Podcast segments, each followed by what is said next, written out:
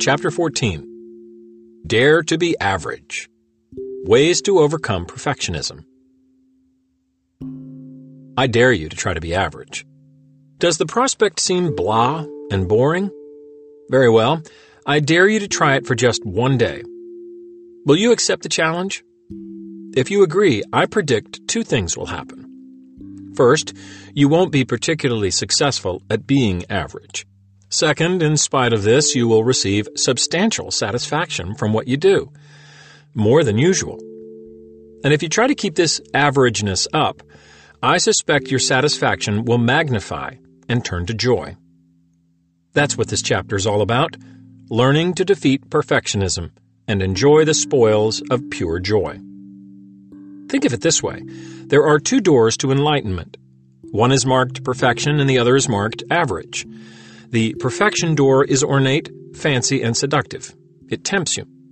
You want very much to go through. The average door seems drab and plain. Ugh, who wants it? So, you try to go through the perfection door and always discover a brick wall on the other side. As you insist on trying to break through, you only end up with a sore nose and a headache. On the other side of the average door, in contrast, there's a magic garden but it may never have occurred to you to open this door to take a look. You don't believe me? I didn't think so. And you don't have to. I want you to maintain your skepticism. It's healthy. But at the same time, I dare you to check me out. Prove me wrong. Put my claim to the test. Walk through that average door just one day in your life. You may end up amazed. Let me explain why. Perfection is man's ultimate illusion. It simply doesn't exist in the universe. There is no perfection. It's really the world's greatest con game. It promises riches and delivers misery. The harder you strive for perfection, the worse your disappointment will become because it's only an abstraction, a concept that doesn't fit reality. Everything can be improved if you look at it closely and critically enough. Every person, every idea, every work of art, every experience, everything. So, if you are a perfectionist, you are guaranteed to be a loser in whatever you do. Averageness is another kind of illusion, but it's a benign deception, a useful construct. It's like a slot machine that pays $1.50 for every dollar you put in. It makes you rich on all levels. If you're willing to explore this bizarre sounding hypothesis, let's begin. But beware, don't let yourself become too average because you may not be used to so much euphoria. After all, a lion can eat only so much meat after the kill. Do you remember Jennifer, the perfectionistic writer student mentioned in Chapter 4? She complained that friends and psychotherapists kept telling her to stop being such a perfectionist, but no one ever bothered to tell her how to go about doing this. This chapter is dedicated to Jennifer. She's not the only one who feels in a quandary about this. At my lectures and workshops, psychotherapists have often asked me to prepare a how to do it manual that illustrates the 15 techniques I have developed for overcoming perfectionism. Well, here's the manual. These methods work. You have nothing to fear or lose because the effects are not irreversible. 1. The best place to begin your fight against perfectionism is with your motivation for maintaining this approach. Make a list of the advantages and disadvantages of being perfectionistic. You may be surprised to learn that it is not actually to your advantage. Once you understand that it does not, in fact, help you in any way, you'll be much more likely to give it up. Jennifer's list is shown in Figure 14.1 on the enhancement. She concluded that her perfectionism was clearly not to her advantage. Now make your list. After you have completed it, read on. 2. Using your list of the advantages and disadvantages of perfectionism, you might want to do some experiments to test some of your assumptions about the advantages. Like many people, you may believe, without my perfectionism, I'd be nothing. I couldn't perform effectively. I'll bet you never put this hypothesis to the test, because your belief in your inadequacy is such an automatic habit, it has never even occurred to you to question it. Did you ever think that maybe you've been as successful as you are in spite of your perfectionism, and not because of it? Here's an experiment that will allow you to come to the truth of the matter. try altering your standards in various activities so you can see how your performance responds to high standards, middle standards, and low standards. The results may surprise you. I've done this with my writing, my psychotherapy with patients, and my jogging. And in all cases, I have been pleasantly shocked to discover that by lowering my standards, not only do I feel better about what I do, but I tend to do it more effectively. For example, I began jogging in January 1979 for the first time in my life. I live in a very hilly region, and initially I couldn't run more than two or three hundred yards without having to stop and walk because there are hills in all directions from my driveway. Each day, I made it my aim to run a little less far than the day before. The effect of this was that I could always accomplish my goal easily. Then I would feel so good it would spur me on farther, and every step was gravy, more than I had aimed for. Over a period of months, I built up to the point at which I could run seven miles over a steep terrain at a fairly rapid pace. I have never abandoned my basic principles to try to accomplish less than the day before. Because of this rule, I never feel frustrated or disappointed in my running. There have been many days when, due to sickness or fatigue, I actually didn't run far or fast. Today, for example, I could only run a quarter mile because I had a cold and my lungs said no farther. So I told myself, this is as far as I was supposed to go. I felt good because I achieved my goal. Try this. Choose any activity and instead of aiming for 100%, try for 80%. 60%, or 40%. Then see how much you enjoy the activity and how productive you become. Dare to aim at being average. It takes courage, but you may amaze yourself. 3. If you are a compulsive perfectionist, you may believe that without aiming for perfection you couldn't enjoy life to the maximum or find true happiness. You can put this notion to the test by using the anti-perfectionism sheet shown in Figure 14.2 on the enhanced portion of this audiobook. Record the actual amount of satisfaction you get from a wide range of activities, such as brushing your teeth, eating an apple, walking in the woods, mowing the lawn, sunbathing, writing a report for work, etc. Now estimate how perfectly you did each activity between 0 and 100%, as well as marking how satisfying each was between 0 and 100%. This will help you break the illusory connection between perfection and satisfaction. Here's how it works. In Chapter 4, I referred to a physician who was convinced he had to be perfect at all times. No matter how much he accomplished, he would always raise his standards slightly higher, and then he'd feel miserable. I told him he was the Philadelphia all or nothing thinking champion. He agreed, but protested he didn't know how to change. I persuaded him to do some research on his moods and accomplishments using the anti perfectionism sheet. One weekend, he did some plumbing at home because a pipe broke and flooded the kitchen. He was a novice plumber, but did manage to fix the leak and clean up the mess. On the sheet, he recorded this as 99% satisfaction. See figure 14.2 on the enhancement. Since it was the first time he'd ever tried to fix a pipe, he recorded his expertise as only 20%. He got the job done, but it was time consuming and required considerable guidance from a neighbor.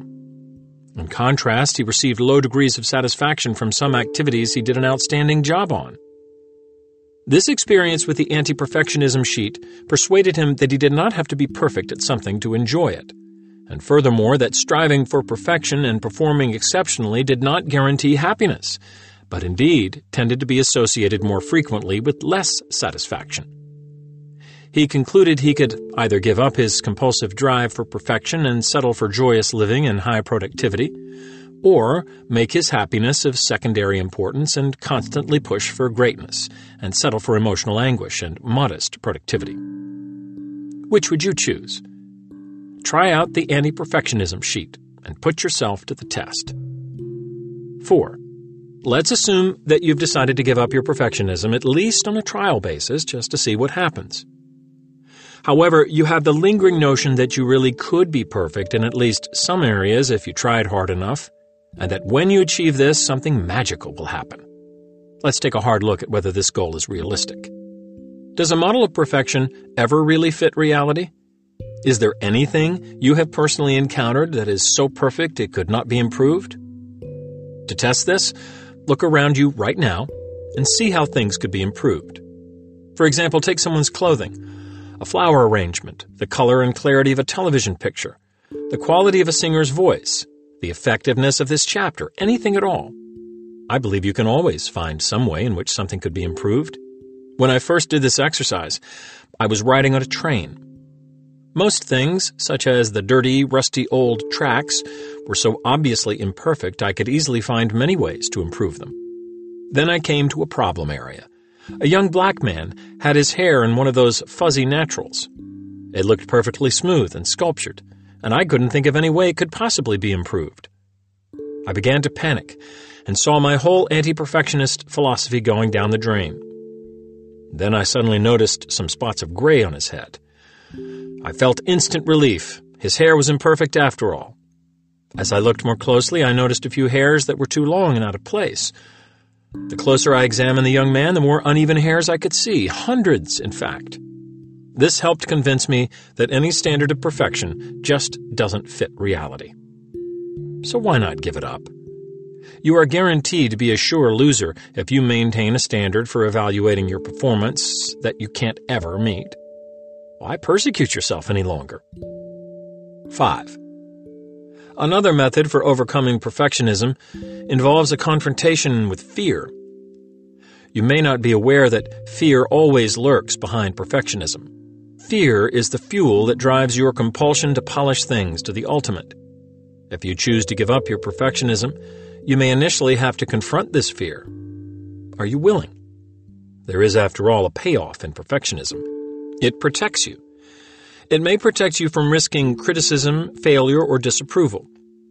If you decide to start doing things less perfectly, at first you may feel as shaky as if a big California earthquake were about to hit.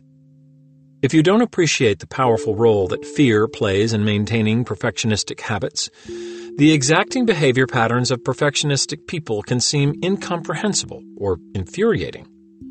There is, for example, a bizarre illness known as compulsive slowness, in which the victim becomes so totally bound up with getting things just right that simple everyday tasks can become totally consuming.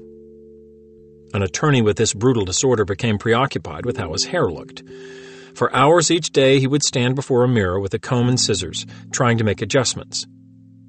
He became so involved in this he had to cut back on his legal practice so he could have more and more time to work on his hair.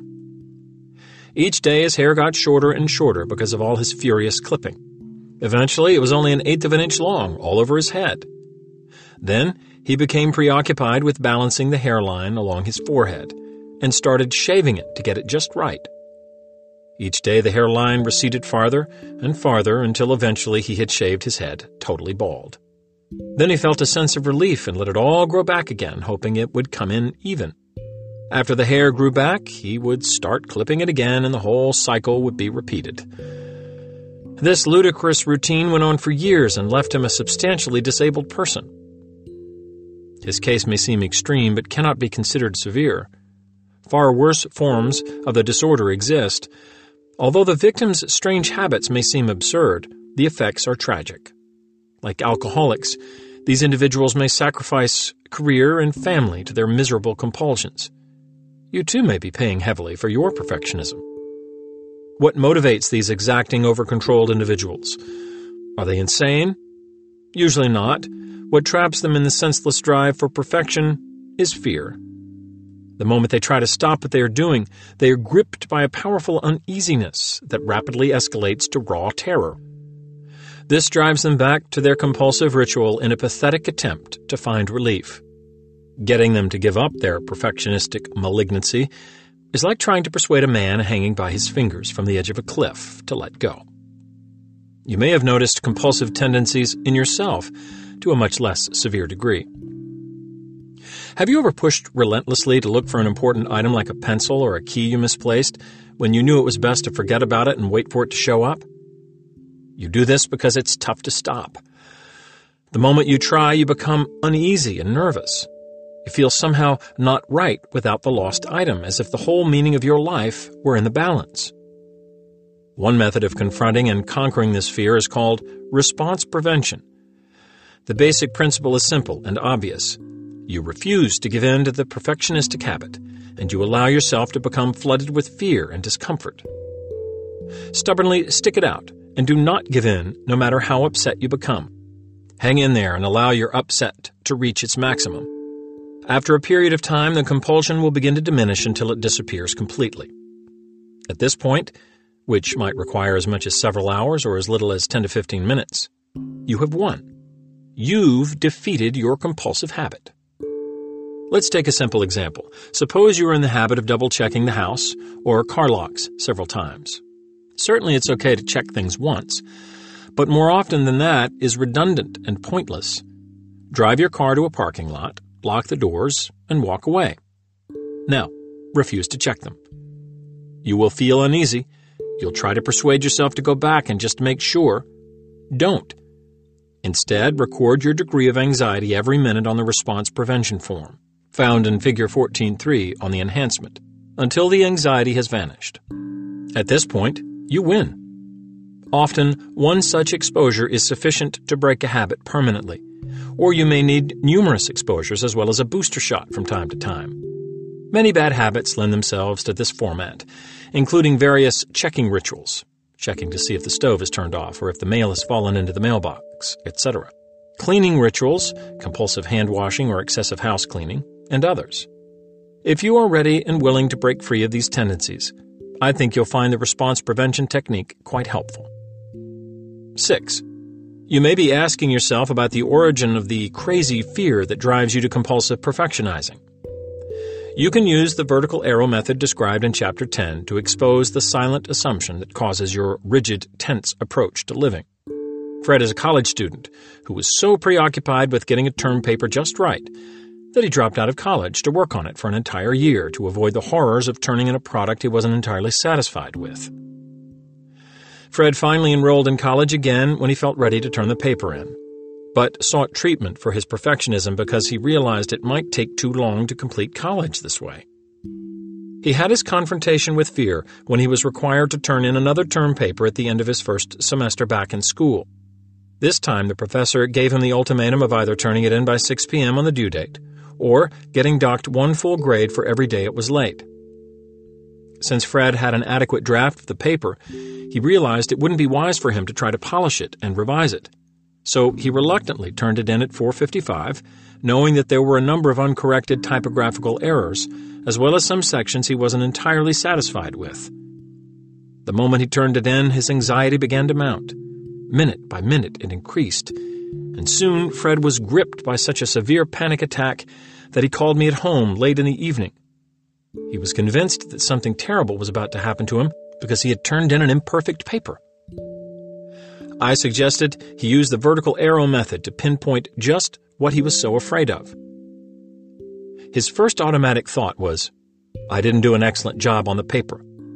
He wrote this down and then asked himself, if that were true, why would it be a problem for me? This question generated the upsetting thought lurking behind it, as demonstrated in Figure 14.4, found on the enhanced portion of this audiobook. Fred wrote down the next thought that came to mind and continued to use the downward arrow technique to reveal his fears at a deeper and deeper level. He continued peeling the layers off the onion in this way until the deepest origin of his panic and perfectionism was uncovered. This required only a few minutes. His silent assumption then became obvious. One, one mistake in my career will be ruined. Two, others demand perfection and success from me and will ostracize me if I fall short. Once he wrote down his upsetting automatic thoughts, he was in a position to pinpoint his thinking errors. Three distortions appeared most often all or nothing thinking, mind reading, and the fortune teller error. These distortions had trapped him in a rigid, coercive, perfectionistic, approval seeking approach to life. Substituting rational responses helped him recognize how unrealistic his fears were and took the edge off his panic. Fred was skeptical, however, because he wasn't entirely convinced a catastrophe was not about to strike. He needed some actual evidence to be convinced. Since he'd been keeping the elephants away by blowing the trumpet all his life, he couldn't be absolutely sure a stampede wouldn't occur once he decided to set the trumpet down. Two days later, Fred got the needed evidence. He picked up his paper, and there was an A minus at the top. The typographical errors had been corrected by the professor, who wrote a thoughtful note at the end that contained substantial praise, along with some helpful suggestions. If you are going to let go of your perfectionism, then you may also have to expose yourself to a certain amount of initial unpleasantness, just as Fred did. This can be your golden opportunity to learn about the origin of your fears using the vertical arrow technique. Rather than run from your fear, sit still and confront the bogeyman. Ask yourself, what am I afraid of? What's the worst that could happen? Then write down your automatic thoughts as Fred did and call their bluff. It will be frightening, but if you tough it out and endure the discomfort, you will conquer your fears because they are ultimately based on illusions. The exhilaration you experience when you make this transformation from worrier to warrior can be the start of a more confident, assertive approach to living. The thought may have occurred to you, but suppose Fred did end up with a B, C, D, or an F. What then? In reality, this usually doesn't happen because in your perfectionism, you are in the habit of leaving yourself such an excessively wide margin of safety that you can usually relax your efforts considerably without a measurable reduction in the quality of the actual performance. However, failures can and do occur in life, and none of us is totally immune. It can be useful to prepare ahead of time for this possibility so that you can benefit from the experience. You can do this if you set things up in a can't lose fashion. How can you benefit from such an actual failure? It's simple. You remind yourself that your life won't be destroyed. Getting a B, in fact, is one of the best things that can happen to you if you are a straight A student, because it will force you to confront and accept your humanness. This will lead to personal growth. The real tragedy occurs when a student is so bright and compulsive that he or she successfully wards off any chance of failure through overwhelming personal effort, and ends up graduating with a perfect straight A average. The paradox in this situation is that success has a dangerous effect of turning these students into cripples or slaves whose lives become obsessively rigid attempts to ward off the fear of being less than perfect. Their careers are rich in achievement but frequently impoverished in joy. 7. Another method for overcoming perfectionism involves developing a process orientation. This means you focus on processes rather than outcomes as a basis for evaluating things. When I first opened my practice, I had the feeling I had to do outstanding work with each patient every session. I thought my patients and peers expected this of me, and so I worked my tail off all day long. When a patient indicated he benefited from a session, I'd tell myself I was successful and I'd feel on top of the world. In contrast, when a patient gave me the runaround or responded negatively to that day's session, I'd feel miserable and tell myself I had failed. I got tired of the roller coaster effect and reviewed the problem with my colleague, Dr. Beck. His comments were extremely helpful, so I'll pass them on to you. He suggested I imagine I had a job driving a car to City Hall each day. Some days I'd hit mostly green lights and I'd make fast time. Other days I'd hit a lot of red lights and traffic jams, and the trip would take much longer. My driving skill would be the same each day, so why not feel equally satisfied with the job I did? He proposed I could facilitate this new way of looking at things by refusing to try to do an excellent job with any patient. Instead, I could aim for a good, consistent effort at each session, regardless of how the patient responded, and in this way I could guarantee 100% success forever. How could you set up process goals as a student? You could make it your aim to 1. Attend lectures, 2. Pay attention and take notes, 3. Ask appropriate questions, 4. Study each course between classes a certain amount each day, 5. Review class study notes every two or three weeks. All these processes are within your control, so you can guarantee success. In contrast, your final grade is not under your control. It depends on how the professor feels that day, how well the other students did, where he sets the curve, etc. How could you set up process goals if you were applying for a job?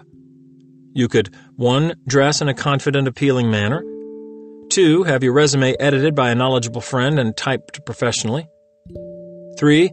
Give the prospective employer one or more compliments during the interview. 4. Express an interest in the company and encourage the interviewer to talk about himself. 5.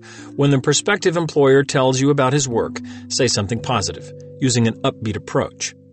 6. If the interviewer makes a critical or negative comment about you, immediately agree, using the disarming technique introduced in Chapter 6. For example, in my negotiations with the prospective publisher about this book, I noticed the editor expressed a number of negative reactions, in addition to a few positive ones. I found the use of the disarming technique worked extremely well in keeping the waters flowing non turbulently during potentially difficult discussions. For example, Editor X. One of my concerns, Dr. Burns, involves the emphasis on symptomatic improvement in the here and now. Aren't you overlooking the causes and origins of depressions? In the first draft of this book, I had written several chapters on the silent assumptions that give rise to depression but apparently the editor was not adequately impressed with this material or had not read it. I had the option of counterattacking in a defensive manner, which would have only polarized the editor and made her feel defensive. Instead, I chose to disarm her in the following way David, that's an excellent suggestion, and you're absolutely right. I can see you've been doing your homework on the manuscript, and I appreciate hearing about your ideas. The readers obviously would want to learn more about why they get depressed this might help them avoid future depressions. What would you think about expanding the section on silent assumptions and introducing it with a new chapter we could call Getting Down to Root Causes? Editor, that sounds great. What other negative reactions do you have to the book? I'd like to learn as much as I can from you.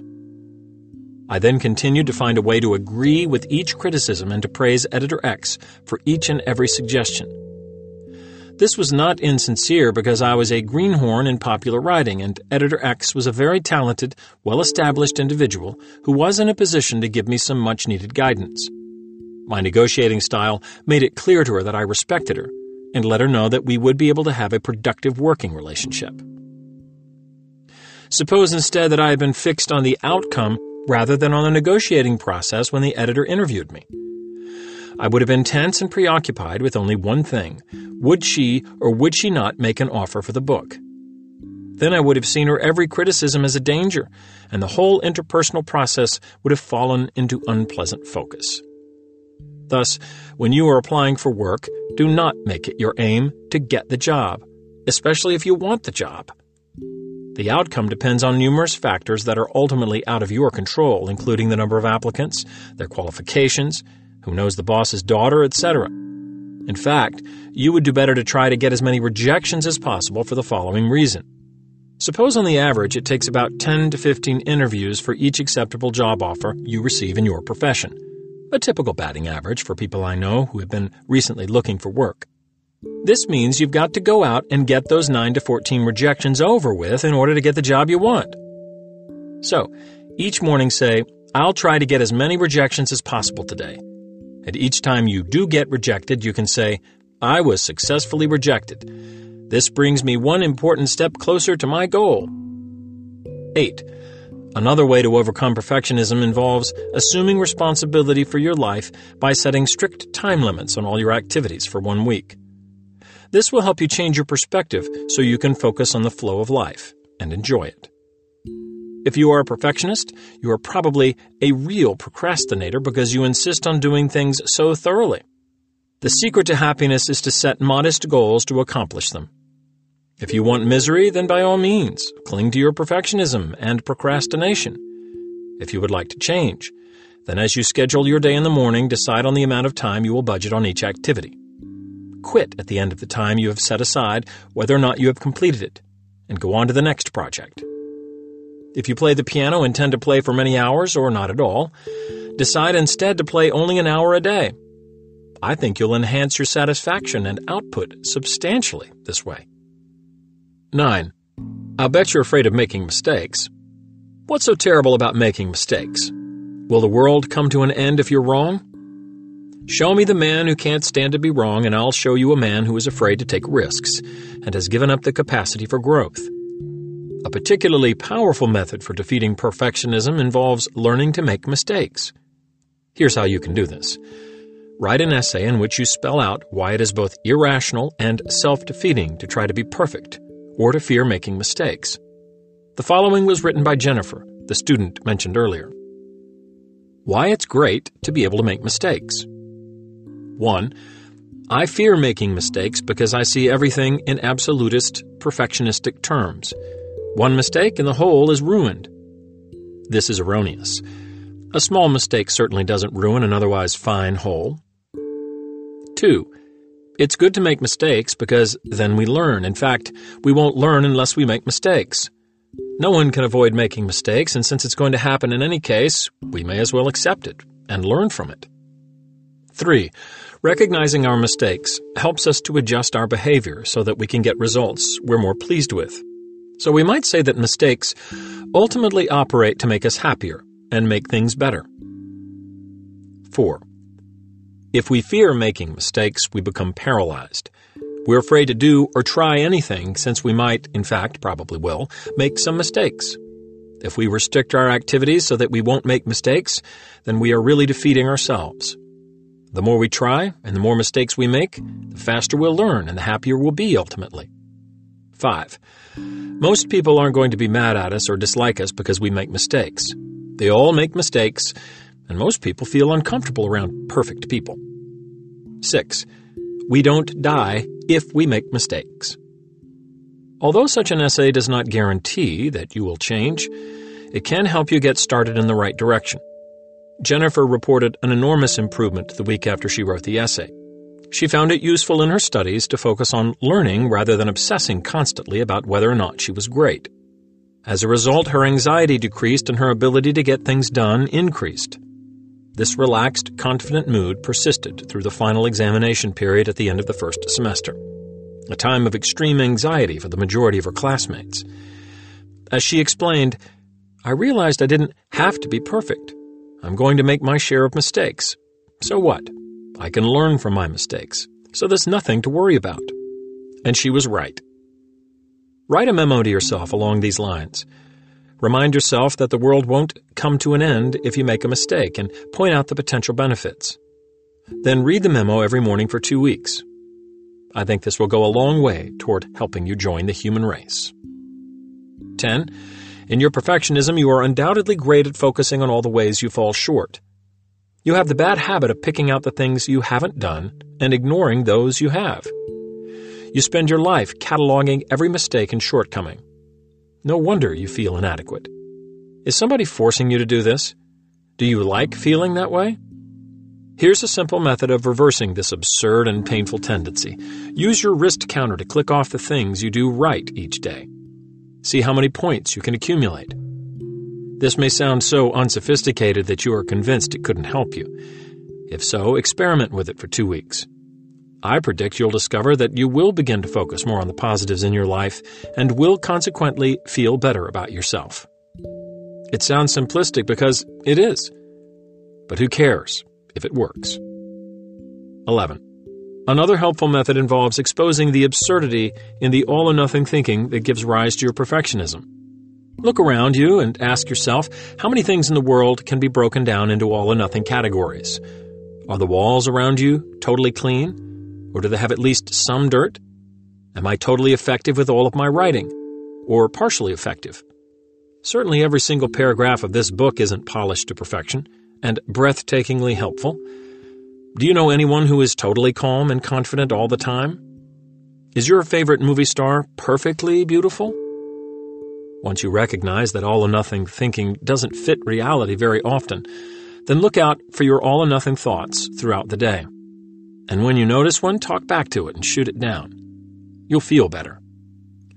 Some examples of how a number of different individuals combat all or nothing thoughts appear in Figure 14.5 on the enhancement. 12. The next method to combat perfectionism involves personal disclosure.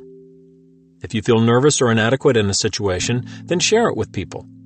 Point out the things you feel you've done inadequately instead of covering them up.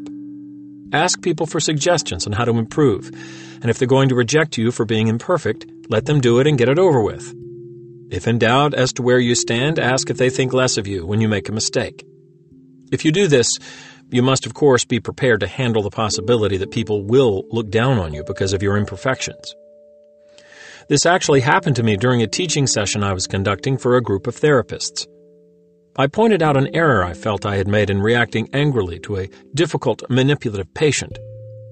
I then asked if any of the therapists present thought less of me after hearing about my foible. I was taken aback when one replied in the affirmative and the following conversation took place. Therapist in the audience. I have two thoughts. One thought is a positive one. I appreciate your taking that risk to point out your error in front of the group because I would have been scared to do it. I think it takes great courage on your part to do this, but I have to admit I'm ambivalent about you now. Now I know that you do make mistakes, which is realistic, but I feel disappointed in you. In all honesty, I do. David. Well, I knew how to handle the patient, but I was so overcome with my anger that I just got caught up in the moment and retaliated. I was overly abrupt in the way I reacted to her. I admit I handle it quite poorly. I guess in the context that you see so many patients each week for so many years, if you make one blunder like that, it's definitely not earth shattering. It's not going to kill her or anything, but I do feel let down, I have to admit. But it isn't just one rare error. I believe that all therapists make many blunders every single day, either obvious ones or subtle ones. At least I do. How will you come to terms with that? It seems you're quite disappointed in me because I didn't handle that patient effectively. Well, I am. I thought you had a sufficiently wide behavioral repertoire that you could easily handle nearly anything a patient said to you. Well, that's untrue. I sometimes come up with very helpful things to say in difficult situations, but sometimes I'm not as effective as I'd like to be.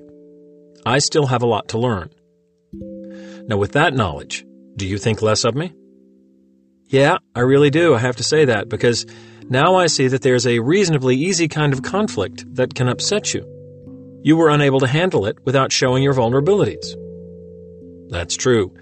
At least that time I didn't handle it well. It's an area where I need to focus my efforts and grow as a therapist. Well, it shows that at least in that case, and I assume in others, that you don't handle things as well as I thought you did. I think that's correct. But the question is, why do you think less of me because I am imperfect? Why are you looking down on me? Does it make me less a person to you? You're exaggerating the whole thing now, and I don't feel that you are necessarily of less value as a human or anything like that. But on the other hand, I think you're not as good as a therapist as I thought you were. That's true. Do you think less of me because of that? As a therapist? As a therapist or as a person, do you think less of me? Yes, I suppose I do. Why? Well, I don't know how to say this. I think therapist is the primary role that I know you in. I'm disappointed to find you're so imperfect. I had a higher expectation of you, but perhaps you're better in other areas of your life. I hate to disappoint you, but you'll discover that in many other aspects of my life, I'm even more imperfect. So if you're looking down on me as a therapist, I presume you'll look down on me more as a person. Well, I do think less of you as a person. I think that's an accurate description of how I'm feeling about you. Why do you think less of me? Because I don't measure up to your standard of perfection? I'm a human and not a robot. I'm not sure I understand that question. I judge people in terms of their performance. You goofed up, so you have to face the fact I'll judge you negatively. It's tough, but it's reality. I thought you should perform better because you're our preceptor and our teacher. I expected more of you. Now it sounds like I could have handled that patient better than you did. Well, I think you could have done better than I did with that patient that day, and this is an area where I think I can learn from you. But why do you look down on me for this? If you get disappointed and lose respect each time you notice I've made a mistake, pretty soon you'll be totally miserable and you'll have no respect for me at all because I've been making errors every day since I was born. Do you want all that discomfort? If you want to continue and enjoy our friendship, and I hope you will, you'll just have to accept the fact that I'm not perfect. Maybe you'd be willing to look for mistakes I make and point them out to me so I can learn from you while I'm teaching you. When I stop making mistakes, I'll lose much of my capacity to grow. Recognizing and correcting my errors and learning from them is one of my greatest assets. And if you can accept my humanity and imperfection, maybe you can also accept your own. Maybe you'll want to feel that it's okay for you to make mistakes too. This kind of dialogue transcends the possibility you will feel put down. Asserting your right to make mistakes will paradoxically make you a greater human being. If the other person feels disappointed, the fault is really his for having set up the unrealistic expectation you are more than human. If you don't buy into that foolish expectation, you won't have to become angry or defensive when you do goof up, nor will you have to feel any sense of shame or embarrassment. The choice is clear cut. You can either try to be perfect and end up miserable, or you can aim to be human and imperfect and feel enhanced. Which do you choose? 13. The next method is to focus mentally on a time in your life when you were really happy. What image comes to mind? For me, the image is of climbing down into Havasupai Canyon one summer vacation when I was a college student. This canyon is an isolated part of the Grand Canyon, and you have to hike into it or arrange for horses. I went with a friend. Havasupai, an Indian word meaning blue-green water people, is the name of a turquoise river that bubbles out of the desert floor and turns the narrow canyon into a lush paradise many miles long. Ultimately, the Havasupai River empties into the Colorado River.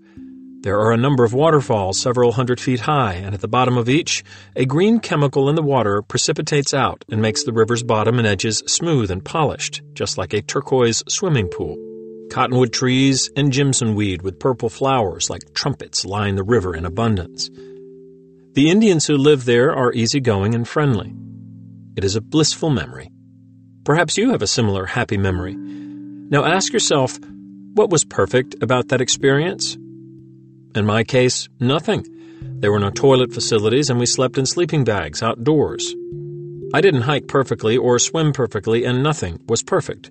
There was no electricity available in most of the village because of its remoteness, and the only available food in the store was canned beans and fruit cocktail, no meat or vegetables. But the food tasted darn good after a day of hiking and swimming, so who needs perfection? How can you use such a happy memory? When you are having a presumably pleasurable experience, eating out, taking a trip, going to a movie, etc., you may unnecessarily sour the experience by making an inventory of all the ways it falls short and telling yourself you can't possibly enjoy it. But this is hogwash. It's your expectation that upsets you. Suppose the motel bed is too lumpy and you paid $56 for the room. You call the front desk and they have no other beds or rooms available. Tough. Now you can double your trouble by demanding perfection, or you can conjure up your happy imperfect memory. Remember the time you camped out and slept on the ground and loved it? So you can certainly enjoy yourself in this motel room if you choose. Again, it's up to you. 14. Another method for overcoming perfectionism is the greed technique. This is based on the simple fact that most of us try to be perfect so we can get ahead in life. It may not have occurred to you that you might end up much more successful if your standards were lower. For example, when I started my academic career, I spent over two years writing the first research paper I published. It was an excellent product, and I'm still quite proud of it. But I noticed that in the same time period, many of my peers who were of equal intelligence wrote and published numerous papers.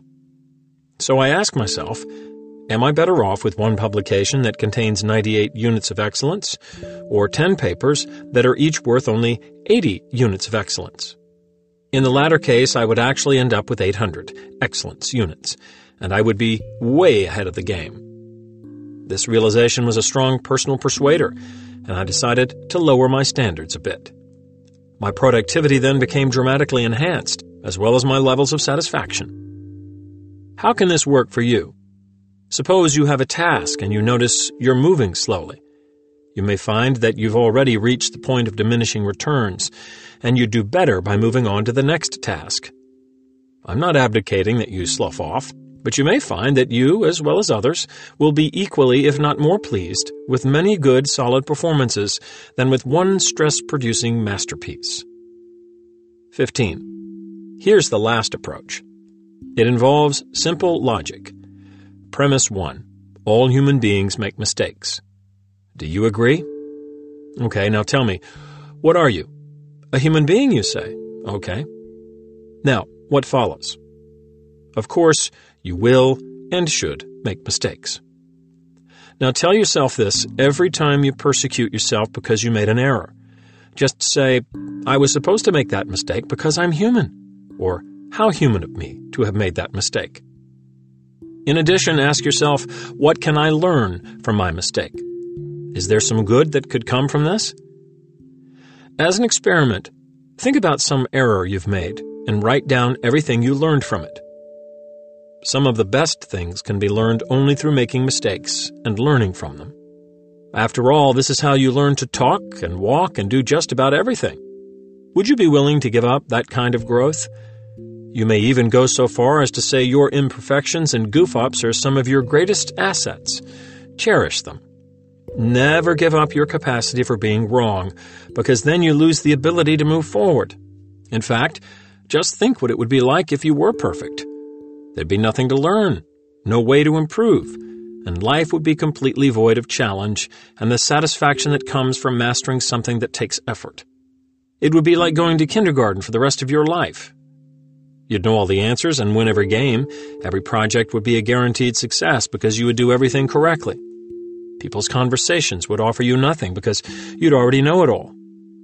And most important, nobody could love or relate to you. It would be impossible to feel any love for someone who was flawless and knew it all.